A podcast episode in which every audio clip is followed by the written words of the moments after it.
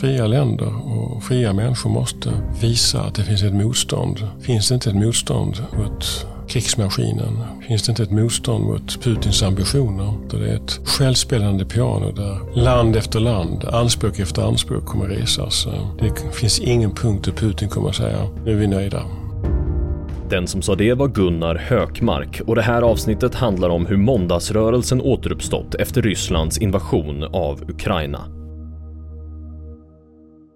Det började i början av 90-talet och eh, då bildades en nationell rörelse till stöd för Estland, Lettland och Litauens frihet från Sovjetockupationen. Och det fortsatte i februari 2022 i och med Rysslands förnyade och fullskaliga angreppskrig mot Ukraina.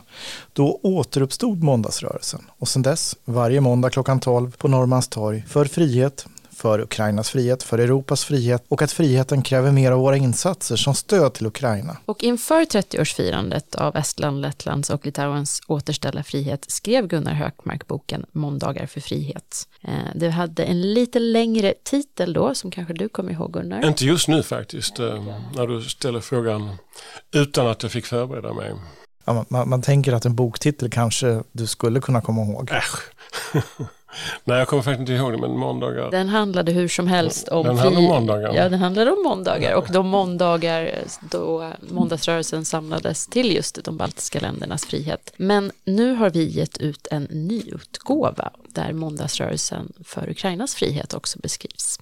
Välkommen hit Gunnar. Tack så mycket, det var trevligt att vara här. Först och främst, kan inte du berätta varför måndagsrörelsen återuppstod? Ja, det allra mest brutala och enkla skälet är ju att eh, Ryssland invaderade Ukraina. Men, men, men, eh, bredare och djupare än så är det väl för att så väldigt många av oss insåg att detta är någonting som ja, dels berör Ukraina åt, åt eh, ett grannland, ett nära land. Men också att det berör oss alla. Det är en, det är en europeisk fråga. Det är en, eh, och då menar jag inte europeisk fråga i bemärkelsen högt upp. Utan det är en europeisk fråga i bemärkelsen bland oss.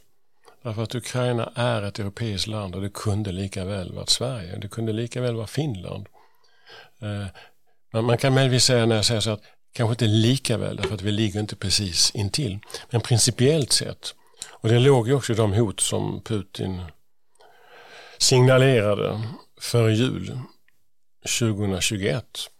Där han ville ju ha en intressesfär där eh, inte bara länderna i central och Östeuropa, även de som var med i NATO skulle ingå i denna ryska intressesfär utan också uttryckligen Sverige och Finland. Och, och, och, då inser vi att det handlar om oss. Det är där jag menar att på bredden är det en europeisk fråga, inte någon slags extraterrestriell högt upp i luften europeisk fråga utan väldigt konkret och väldigt tydligt, det berör oss. Kunde du 1991 när, när Estland, Lettland och Litauen återfick sin självständighet föreställa dig att runt 30 år senare så skulle måndagsrörelsen behövas igen? Nej, alltså jag får väl säga det oss emellan. Att jag går sällan och föreställer mig vad som händer om 30 år. Du gör inte det? Nej, precis. Men, men däremot så, så insåg jag att världen är inte säker för det. Eh, jag trodde nog inte att måndagsrörelsen skulle återuppstå. Det var liksom en sån unik sak till stöd för esterna, letterna och litauerna. Så det, för att svara på din fråga mer hederligt, det trodde jag väl inte. Men däremot att världen fortsatt var osäker, det, det var jag den bestämda uppfattningen. Jag satt ju i försvarsberedningen sen 2004, det var ju lite senare i och för sig, men eh, där väldigt många tog fasta på hoppet om Ryssland. Medan eh, jag, jag tyvärr,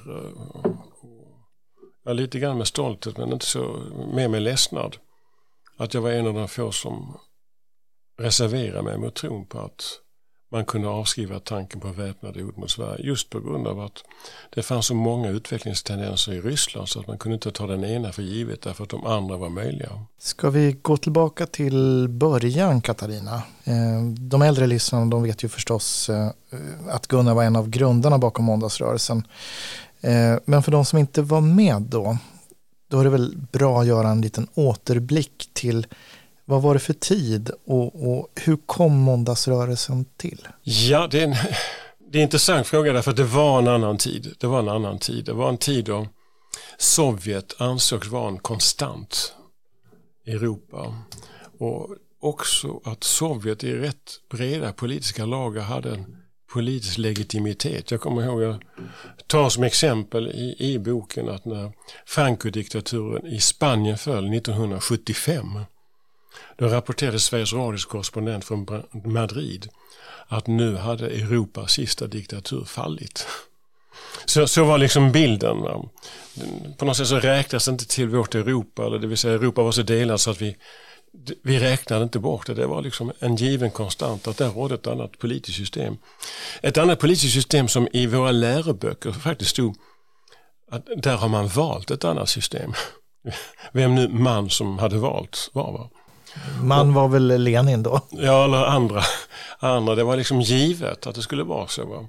Och eh, det var att, att eh, jag var med bland de eh, yngre moderata politiker som då krävde att vi skulle ställa krav på fria och demokratiska val i central och Östeuropa. När jag säger det så här, det är väl, det är väl inget konstigt med det. Det är nästan, eh, varför tar du upp det Gunnar? Men bara det att eh, det bemöttes, det var medan Olof Palme fortfarande levde, han kallade detta att det var ett återfall i det kalla krigets korstågsfara mentalitet. Att kräva demokrati och fria val i Tjeckoslovakien, Ungern, Polen och i Estland, Lettland, Litauen. Men Estland, Litauen, Lettland, Litauen var nästan ännu syndigare att nämna. Därför att de var ju enligt den rådande doktrinen inte ockuperade. De var ju en del av Sovjet som var konstant som jag sa innan. Och när jag lyfte den frågan första gången i Sveriges riksdag så blev jag attackerad för att vara en anförare för den extrema tokhögern. Så så såg klimatet ut. Det var, det var en annan tid. Vad var det för enskild händelse, om det nu var en enskild händelse som fick dig och dina medgrundare av måndagsrörelsen eh, och dessa medgrundare var ju Peter Luxe, Håkan Holmberg och Andres Kyng och eh, nu finns tyvärr ingen av dem längre kvar i livet så det är du som får berätta här men vad var det som fick er att dra igång den här rörelsen? Ja, det var egentligen inte någon enskild händelse. Dels var det så att jag hade hållit på rätt mycket med den baltiska frågan i riksdagen eh, och bland annat krävt att Sverige skulle stödja de baltiska ländernas frihetssträvanden. Och det hade för min del börjat med att det var en familj som flydde från, från Estland. Valdis Randpere och, och uh, hans hustru vars namn jag nu inte kommer ihåg. Som, hon var sång, bägge var sångare och de flydde till Sverige men, men deras sexåriga dotter blev kvar i Estland. Och det blev en fråga som jag kommer att engagera mig i och på något sätt, ja, det förde mig in i allt detta. Och, och, sedan så hade jag vid ett antal tillfällen i debatter om Baltikum fått stöd i riksdagsdebatter av Håkan Holmberg som då var folkpartistisk riksdagsman. Och jag hade haft mycket att göra med Peter Luxep eh, och eh, också med Anders Kyng eh, som, som ju var en förgrundsgestalt för den svenska rörelsen för, för, för framförallt esterna men för ett fritt Baltikum. Och eh, det som, som var egentligen utlösande händelse det var egentligen ingen händelse alls. Men det var bara det att jag var på en middag en torsdag kväll där man kom att tala om att det sista Leipzig-mötet, måndagsmötet i Leipzig, hade hållits den måndagen. Och då var det någon som kring kaffet liksom sa, frågade sådär ut i luften varför har vi aldrig något motsvarande stöd för de baltiska länderna och deras frihet? Och sen så tog det skruvar så att när jag gick hem den kvällen bestämde jag mig för att ringa just Peter, Anders och Håkan och fråga om de ville vara med. Och så gjorde jag det på fredag förmiddagen och så fixade vi torgmötestillstånd till måndagen och så talade jag med Mats Svekfors som var chefredaktör på Svenska Dagbladet om att vi var på väg att göra någonting. Så då skrev han en ledare på söndagen tror jag att eh, just det förunderliga att, eh, och det var kanske han som under den här middagen hade ställt sig den frågan varför det inte skedde några opinionsmöten till stöd för våra grannar. Och då ställde han den frågan och då så svarade jag tillsammans med de andra tre på måndag morgon att eh, jo, det gör vi nu. Så att nu ses vi på Norrmalmstorg måndag klockan 12. Och under de här åren då när det var måndagsrörelse för Estland, Lettland, Litauen vad, vad, vad är ditt största ögonblick och, och största händelse i den delen av, av måndagsrörelsens Jag skulle säga, det, det blir två händelser. Den ena händelsen är, jag tror det är måndagen den 13 januari, eller det, alltså 1991 när de sovjetiska OMO-trupperna har barrikaderat sig kring eh, det litauiska parlamentet. Eh, och de är på väg att storma och då blir vi på måndagsmötet på Norrmalmstorg. Jag, jag tror det var över 10 000 människor som, för det var ut på gatorna. Det var så väldigt mycket folk och där var ärkebiskopen eh, stod där och eh, civil stod den dåvarande ÖB där och eh, alla stod där från hela, hela det svenska samhället. Det var faktiskt eh, eh, gripande och stort därför att alla hade kommit dit för att markera nej, vi accepterar inte detta. Och den andra händelsen är väl egentligen så att säga i veckan efter augusti. Veckan efter augusti när 1991, samma år då Ryssland hade erkänt esternas och letternas självständighet. Det var en, kan jag säga, en glad och befriande stämning på Norrmalmstorg den måndagen. Så det var två olika och de är motpoler. Du beskriver i eh, din bok också hur, eh, hur de här händelserna har präglat dig och hur måndagsrörelsen har präglat dig Eh, i din politiska gärning. Det här var ju någonting som i största grad hade effekt på svensk utrikespolitik också. Vill du utveckla det lite grann? Det kommer ju påverka svensk utrikespolitik väldigt omgående därför att eh, Socialdemokraterna ville liksom från början inte vara med och de var ju emot. De var emot att man skulle resa den här frågan. De, eh, de, de tyckte man skulle betrakta Sovjet som en konstant och istället se till att vi skulle ha goda relationer med diktaturerna. Det var inte så de beskrev det men det var ju kontentan av det. Det gick under begreppet gemensam säkerhet som var en doktrin som europeiska socialdemokrater utvecklade att istället för att konfrontera diktaturerna med sitt förtryck skulle vi acceptera det och utveckla gemensam säkerhet. Och det var ju någonting som vi sa att det går ju inte därför att det är ju våldsregimer som, det finns ingen gemensam säkerhet med dem. Men, men redan efter det andra måndagsmötet då, då dåvarande utrikesministern Sten Andersson hade dykt upp och han kom nog dit och eh, lite eh, oanmäld, inte oinbjuden för vi hade bjudit in någon företrädare för Socialdemokraterna. Men de hade tackat nej eller duckat frågan. Men så stod han där i publiken och sen sa men vad roligt. Och så kom han fram och sa, ja men inte ska väl jag. Och så började han tala och då så trodde han att han skulle kunna liksom vända publiken till att förstå att man kan inte gå på kraven att kräva självständighet utan vi måste ha en relation och en diskussion med Moskva. Vilket ju var en fullkomlig återvändsgränd. Och när folk då börjar bua så ser jag på Sten Andersson att han känner sig helt luftlandsatt för det har nog aldrig hänt honom tidigare. Han var en väldigt skicklig debattör och demagog och van att svänga publiken i den riktning han ville. Men plötsligt blev det tvärtom. Och då såg jag på något sätt eh, på honom att han var konfunderad. Och så gick han hem och sen så efter två veckor till så kallades det till en utrikesnämnd där man tog det första steget att vi skulle bejaka självständighetsrörelserna. Sen fanns det fler steg som måste tas och som togs under våren under trycket av måndagsmötena. Men det var den mediala uppföljningen och det mediala fokuset som, som förändrade svensk utrikespolitik. Lite häftigt där att se det här hända liksom i realtid, den här mm. insikten. Ja, det var faktiskt att man, ni vet liksom i en serietidning när man ser hur någon säger gulp. Och så, eh, det var bokstavligen det som hände, det vill säga han, det här var någonting helt annat än han var van vid och hade förväntat sig. Det fanns, jag tror det gör med att måndagsrörelsen då utlöste en, en, en, rörelse som hade funnits inom det svenska folket, eller en känsla som hade funnits inom det svenska folket. En kombination av dåligt samvete för det som hade hänt efter andra världskriget, ett dåligt samvete att vi inte hade brytt oss och en indignation över att vi accepterade det. Så det var liksom ett sätt att eh, Eh, så att säga, svenskarna återvann sin, sin, sin egen stolthet i den här frågan på bredden och det var det som samlade så många till mötena. Du nämner där en, en händelse som Patrik säger, man kunde se live liksom hur politiken förändrades. Eh, nu, vi var inne på det, men nu är måndagsmötena igång igen, denna gång till stöd för Ukrainas frihet efter Rysslands invasion. Eh, och därmed så har vi ju ges ut en ny upplaga här på Frivärde som kort och gott heter Måndagar för frihet. Den titeln kommer jag ihåg. Och jag tänkte att vi skulle lyssna på ett utdrag ur den upplagan. Igår kväll var den sista kvällen i den gamla världen, sa en god vän till mig på morgonen den 24 februari 2022. Vi hade mätit middag kvällen innan och reflekterat över vad som nu var på väg.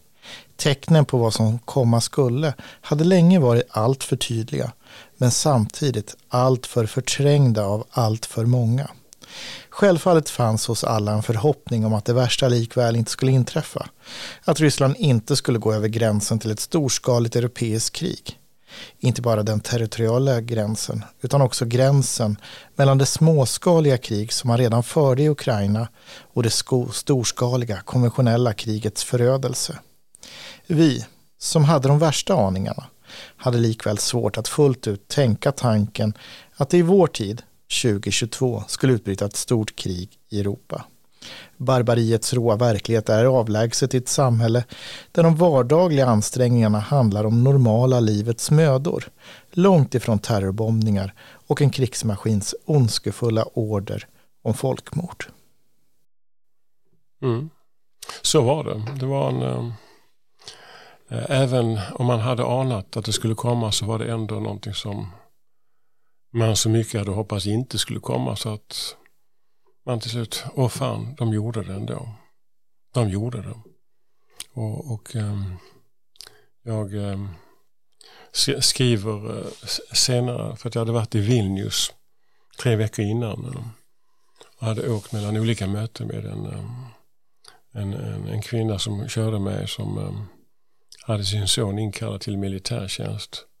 Hon sa en formulering på lite, så inte, inte perfekt engelska. Where will all this come to? Where will all this come to? För att hon liksom kände att nu hände saker och ting som det ena ger det andra. Och egentligen det är där vi fortfarande är. Where will all this come to? Vi vet inte vad som är i slutändan. Och, och det är väl det som för mig gör att det är så viktigt att, att vi, vi gör någonting. Därför att annars så har vi ingen kontroll alls på where all this will come to. Fria länder och fria människor måste visa att det finns ett motstånd. Finns det inte ett motstånd mot krigsmaskinen, finns det inte ett motstånd mot Putins ambitioner, så är det så att då kan frågan where will all this come to visa sig inte ha något annat slut än att den fortsätter och fortsätter. Det är ett självspelande piano där land efter land, anspråk efter anspråk kommer resas. Det finns ingen punkt där Putin kommer att säga nu är vi nöjda. Och någonting gjorde ni ju då också. Hur kom den nya måndagsrörelsen till? På sätt och vis lika slumpartat, eller inte slumpartat, men spontant som den förra. Därför att eh, Moderaterna hade kallat till ett möte på fredagen. Detta 24 var en torsdag. Eh, och eh, det höll på att bli liksom ett halvlyckat möte därför att det kolliderade med utrikesnämnden som kastades in och de som hade arrangerat mötet blev då lite osäkra på kan man ha det om inte ledande politiker kan komma. Och de hade då bett mig hålla i mötet eftersom på grund av eh, Norrmalmstorgs rutin eller vana eller hur man kan uttrycka det. Eh, men då sa jag att det är klart vi måste ha. Man kan liksom inte liksom... Så det blev av och det blev, blev ett bra möte. Och där hade eh, Liberalerna de hade arrangerat ett torgmötes, eller de hade ansökt om ett torgmötestillstånd på måndagen klockan 12 och då hörde de av sig till mig och frågade om jag ville gå i täten för att ha ett måndagsmöte som verkligen var på en måndag dessutom och inte på en fredag. Eh, och det var jag först lite grann, Eh, jag ska inte säga kallsinnig, men liksom tvekande till lite kan, kan man göra om det här? Och det blir liksom en eh, ehm, konstig sak och, och, jag hade en massa andra åtaganden. Men, ehm, och så till slut under lördagen så fick jag en del påstötningar från olika opinionsbildare att, att uh, du borde ta tag i det här. Och då så tänkte jag då, då gör jag väl det. Så jag ringde några medarbetare på det moderata partikansliet att de skulle komma tillbaka till Liberalernas partikansli och säga att eh, nu kör vi och fixa högtalare och fixa tillstånd och fixa, ja det fanns ju men alltså fixa allting annat kring det. Och, och, så de blev störda i en middag hos goda vänner. Man tog sig an det och talade med sina liberala kollegor. Och sen så eh, var, såg vi till att Ulf Kristersson och Nyamko Sabuni var där. Och sen så var det ett, eh, ett väldigt härligt gäng av medarbetare som plötsligt ur detta hade uppstått och som, som gjorde det av egen kraft och vilja och som sett till att det kom igång. Så det, ja, det var, vi agerade och då, då hände någonting. Förra gången, och när jag säger förra gången menar jag förra måndagsrörelsen till stöd för Baltikums frihet, då var det, har jag rätt i att det var drygt 80 möten som hölls då? Mm, mm, 79 möten eh, plus några till, men det var 79 möten innan vi liksom avslutade det projektet. Just det, ja, 79 måndagsmöten mm. då. Nu har kriget pågått i över ett år. Vi är uppe i 14, snart 15 månader. Mm, mm. Ehm, det är vi, hur många måndagsmöten är vi uppe i? Vi börjar närma oss. Mm, mm. Börjar närma sig mm. kanske rent av 70. Mm. Under den här tiden så har vi haft eh, svenska politiker. Du nämnde Nyamko Sabuni, Ulf Kristersson. Ulf Kristersson som statsminister har också deltagit, Tobias Billström som utrikesminister. Vi har haft eh, flera andra partiledare från de flesta partier som kommit. Vi har eh, haft utländska ambassadörer regelbundet, eh, utländska politiker, Svetlana Tichanovskaja, mm. som är Vitrysslands rättmätigt valda politiska ledare. Vilken betydelse hittills, nu, nu ser det tyvärr ut som att de här måndagsmötena kommer få hålla på ett tag till och jag säger tyvärr eftersom kriget i Ukraina fortsatt pågår. Men vad, vilken betydelse hittills skulle du säga att de här mötena har haft? Eh, dels har det den betydelsen det har väckt och skärpt en svensk opinion och innebär att en svensk opinion ställer krav på stöd till Ukraina. Vilket inte minst den här våren har varit viktigt där Sverige inte bara är Sverige utan ordförandeland i EU. Det vill säga skärpt behovet av att kunna visa att, att vi gör någonting och, det har ju hänt mycket mer. Då, så att säga. Vi, vi, eh, Sverige har, har, har lämnat rätt omfattande vapenstöd och jag tycker att vi ska göra mer. Men likväl, det, det har hänt mer. Europeiska unionen gör det, menar, och det, att det görs runt om i unionen beror inte på måndagsmötena i i Stockholm men det beror på att det finns en, liksom en drivande kraft vad som är rätt och fel. Och det som jag tror är väldigt viktigt är att vi inte tillåter att frågan faller ner. Att den hamnar i att eh, nu har det hänt men nu får vi gå vidare. Vi vänder inga blad utan bladet ligger uppe och så länge vi klargör det så är det ett tryck på svenska beslutsfattare och svenska politiker. Eh, och de de vill och de, de behöver också kunna säga saker och ting på Norrmalmstorg. Eh, men det är också, sett också en, driver Sverige mycket i denna fråga så påverkar det andra länder. Och jag vet att i de eh, baltiska länderna har man ju med sin historia sett på de här måndagsmötena som en, som en viktig drivkraft också för, för sig själva. Vi har de baltiska ambassadörerna där nästan varje gång eh, och idag hade vi två av dem som talade men, men, men det är en annan sak som är också eh, väldigt viktig. Det är att det skapar för dem i Ukraina en vetskap om att vi glömmer dem inte. Det ger syre. Och kanske allra mest i Moskva så blir det en signal att omvärlden är inte på väg att tröttna på frågan. Omvärlden är inte på väg att tröttna när det gäller att stödja Ukraina.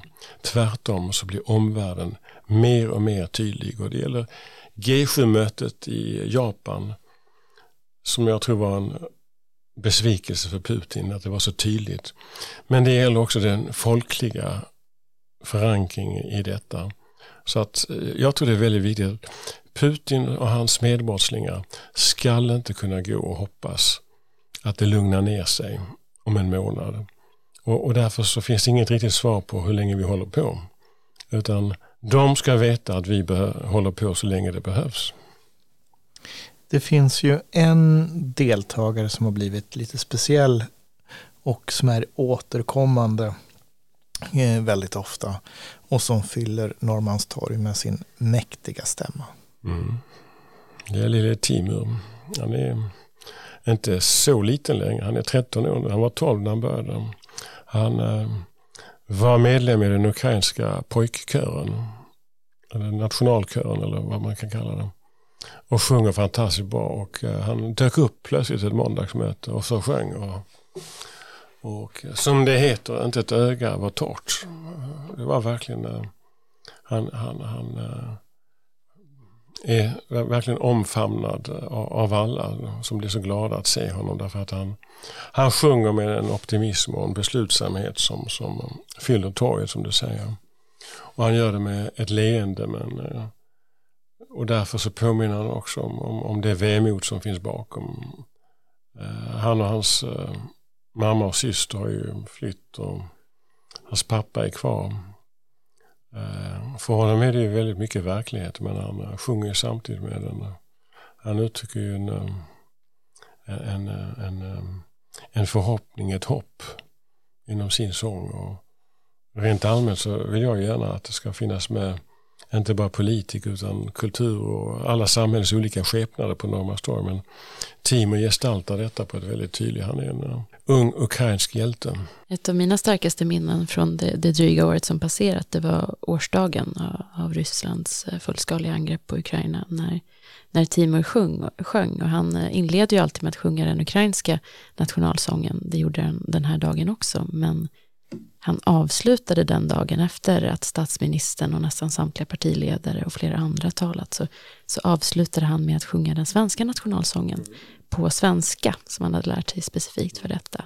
Eh, och det säger någonting om eh, försvarsvilja och varför egentligen varför står vi upp för Ukraina? För Ukraina står upp för oss. Det var väldigt roligt att se på alla i publiken när han sjöng den svenska nationalsången på svenska därför att det var en blandning av leenden och en tår i ögat. Det var ung eller gammal, eh, man och kvinna. Det var både sentimentalt och med leende. Det var fascinerande att se vilket intryck det gjorde. Och kriget, det står och väger nu i, i Ukraina. Eh, Ryssland har ju kört fast. Ukraina förbereder vad vi alla förväntar oss, en större offensiv. Vad behöver Ukraina av oss i väst för att eh, nå dit man vill nå? En sak det är väl att klargöra att vårt stöd är ovillkorligt och har inget slut. Därför är det väldigt viktigt med hela processen om Ukrainas medlemskap i Europeiska unionen. Därför att det är ett sätt att markera att, att vi gör det åtagandet, vi vill och, och vi tar konkreta steg för att de ska kunna bli medlemmar. Det är ett sätt att släcka brutalitetens hopp i Moskva. Eh, men sen så är det väldigt viktigt att vi klargör att vi kommer att fortsätta ge dem stöd med vapen, med ammunition och med ekonomi. De utkämpar ett krig som är väldigt dyrt för ett samhälle. De behöver finansiellt stöd för att kunna se till att sjukvård, eh, äldreomsorg, eh, gatulivet det normala livet ska kunna fungera. Därför att fungerar inte det normala livet någorlunda så kommer det inte gå att försvara Ukraina. Då finns det nästan inget Ukraina kvar att försvara. Så att vi behöver klargöra för dem att vi står fast. Och vi behöver förklara för Putin att han kommer ingen vart med oss. Vi skulle fråga dig nu hur länge måndagsrörelsen kommer att hålla på den här gången, men du svarade på det och du svarade mm. på det senast. Jag kan gärna svara en gång till. as long as it takes. Och, och, och vi, vi, har därför ingen plan på att vi håller på till då eller då. Uh, utan vi, vi, vi, uh, det finns ett starkt stöd i Sverige för att stödja Ukraina och det stödet Starkast i hela EU vill jag tro när det kommer till vapenleveranser. Det, jag, jag, tror det kommer att påverka och jag tror det kommer att um, leda till mer och mer och en sak som vi säger väldigt ofta det är ju att eh, det är nu de behöver, inte sen. Men, men, men sen så tycker jag att vi själva kan tänka så här. Vi säger ofta att vi står bakom Ukraina. Och det är en formulering som låter väldigt eh, snäll och vänlig, givande. Och så. I den formuleringen ligger liksom att en tänkt att man ska vara tacksamma från Ukrains sida. Men i den formuleringen ligger också att Ukraina står framför oss och det är vi som ska vara tacksamma till dem och därför så måste vi fortsätta. Tack Gunnar. Måndagar för frihet kan beställas på Frivärds hemsida frival.se ett stycke samhällshistoria du inte får missa. Och jag ska tillägga då att den första upplagan den hette Måndagar för frihet med en undertitel om måndagsrörelsen och friheten i vår tid. Och nu nickar Gunnar instämmande att så var det. så var det. Eh, Du har just lyssnat på en podd från Tankesmedjan Frivärd med Katarina Tratsch och mig Patrik Oksanen. Och ni hörde också Dino Ekdals röst. Dino har också gjort bearbetningen. Podden den finns ju där poddar finns. Klicka gärna in den där prenumerationsgrejen så du inte missar ett avsnitt. Och kom ihåg, friheten är värd att försvara i Ukraina, i Estland, i Lettland, i Litauen och i Sverige. Motståndet upphör aldrig.